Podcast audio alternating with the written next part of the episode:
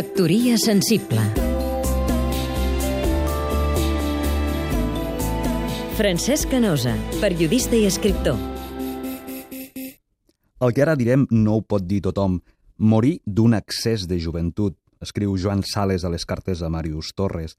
Morir d'un excés de joventut, mort democratitzada, socialitzada entre tots els joves que van viure la Gran Guerra Incivil.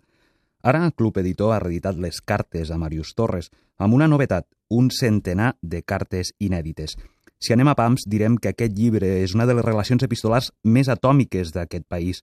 Un triangle, Joan Sales, Marius Torres i Mercè Figueres.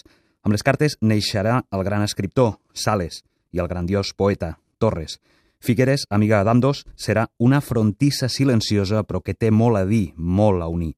Són les cartes de 1936 a 1941, la guerra, el Sales soldat, i Torres i Figueres malalts al sanatori de Puigdolena.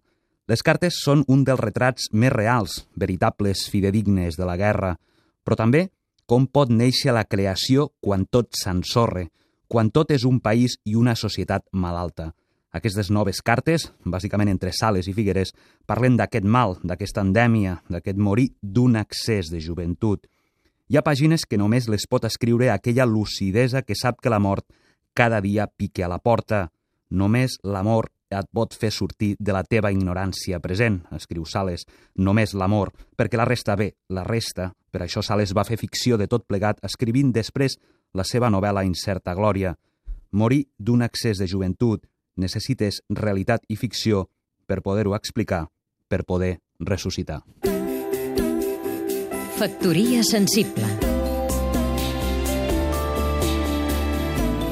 Seguim-nos també a catradio.cat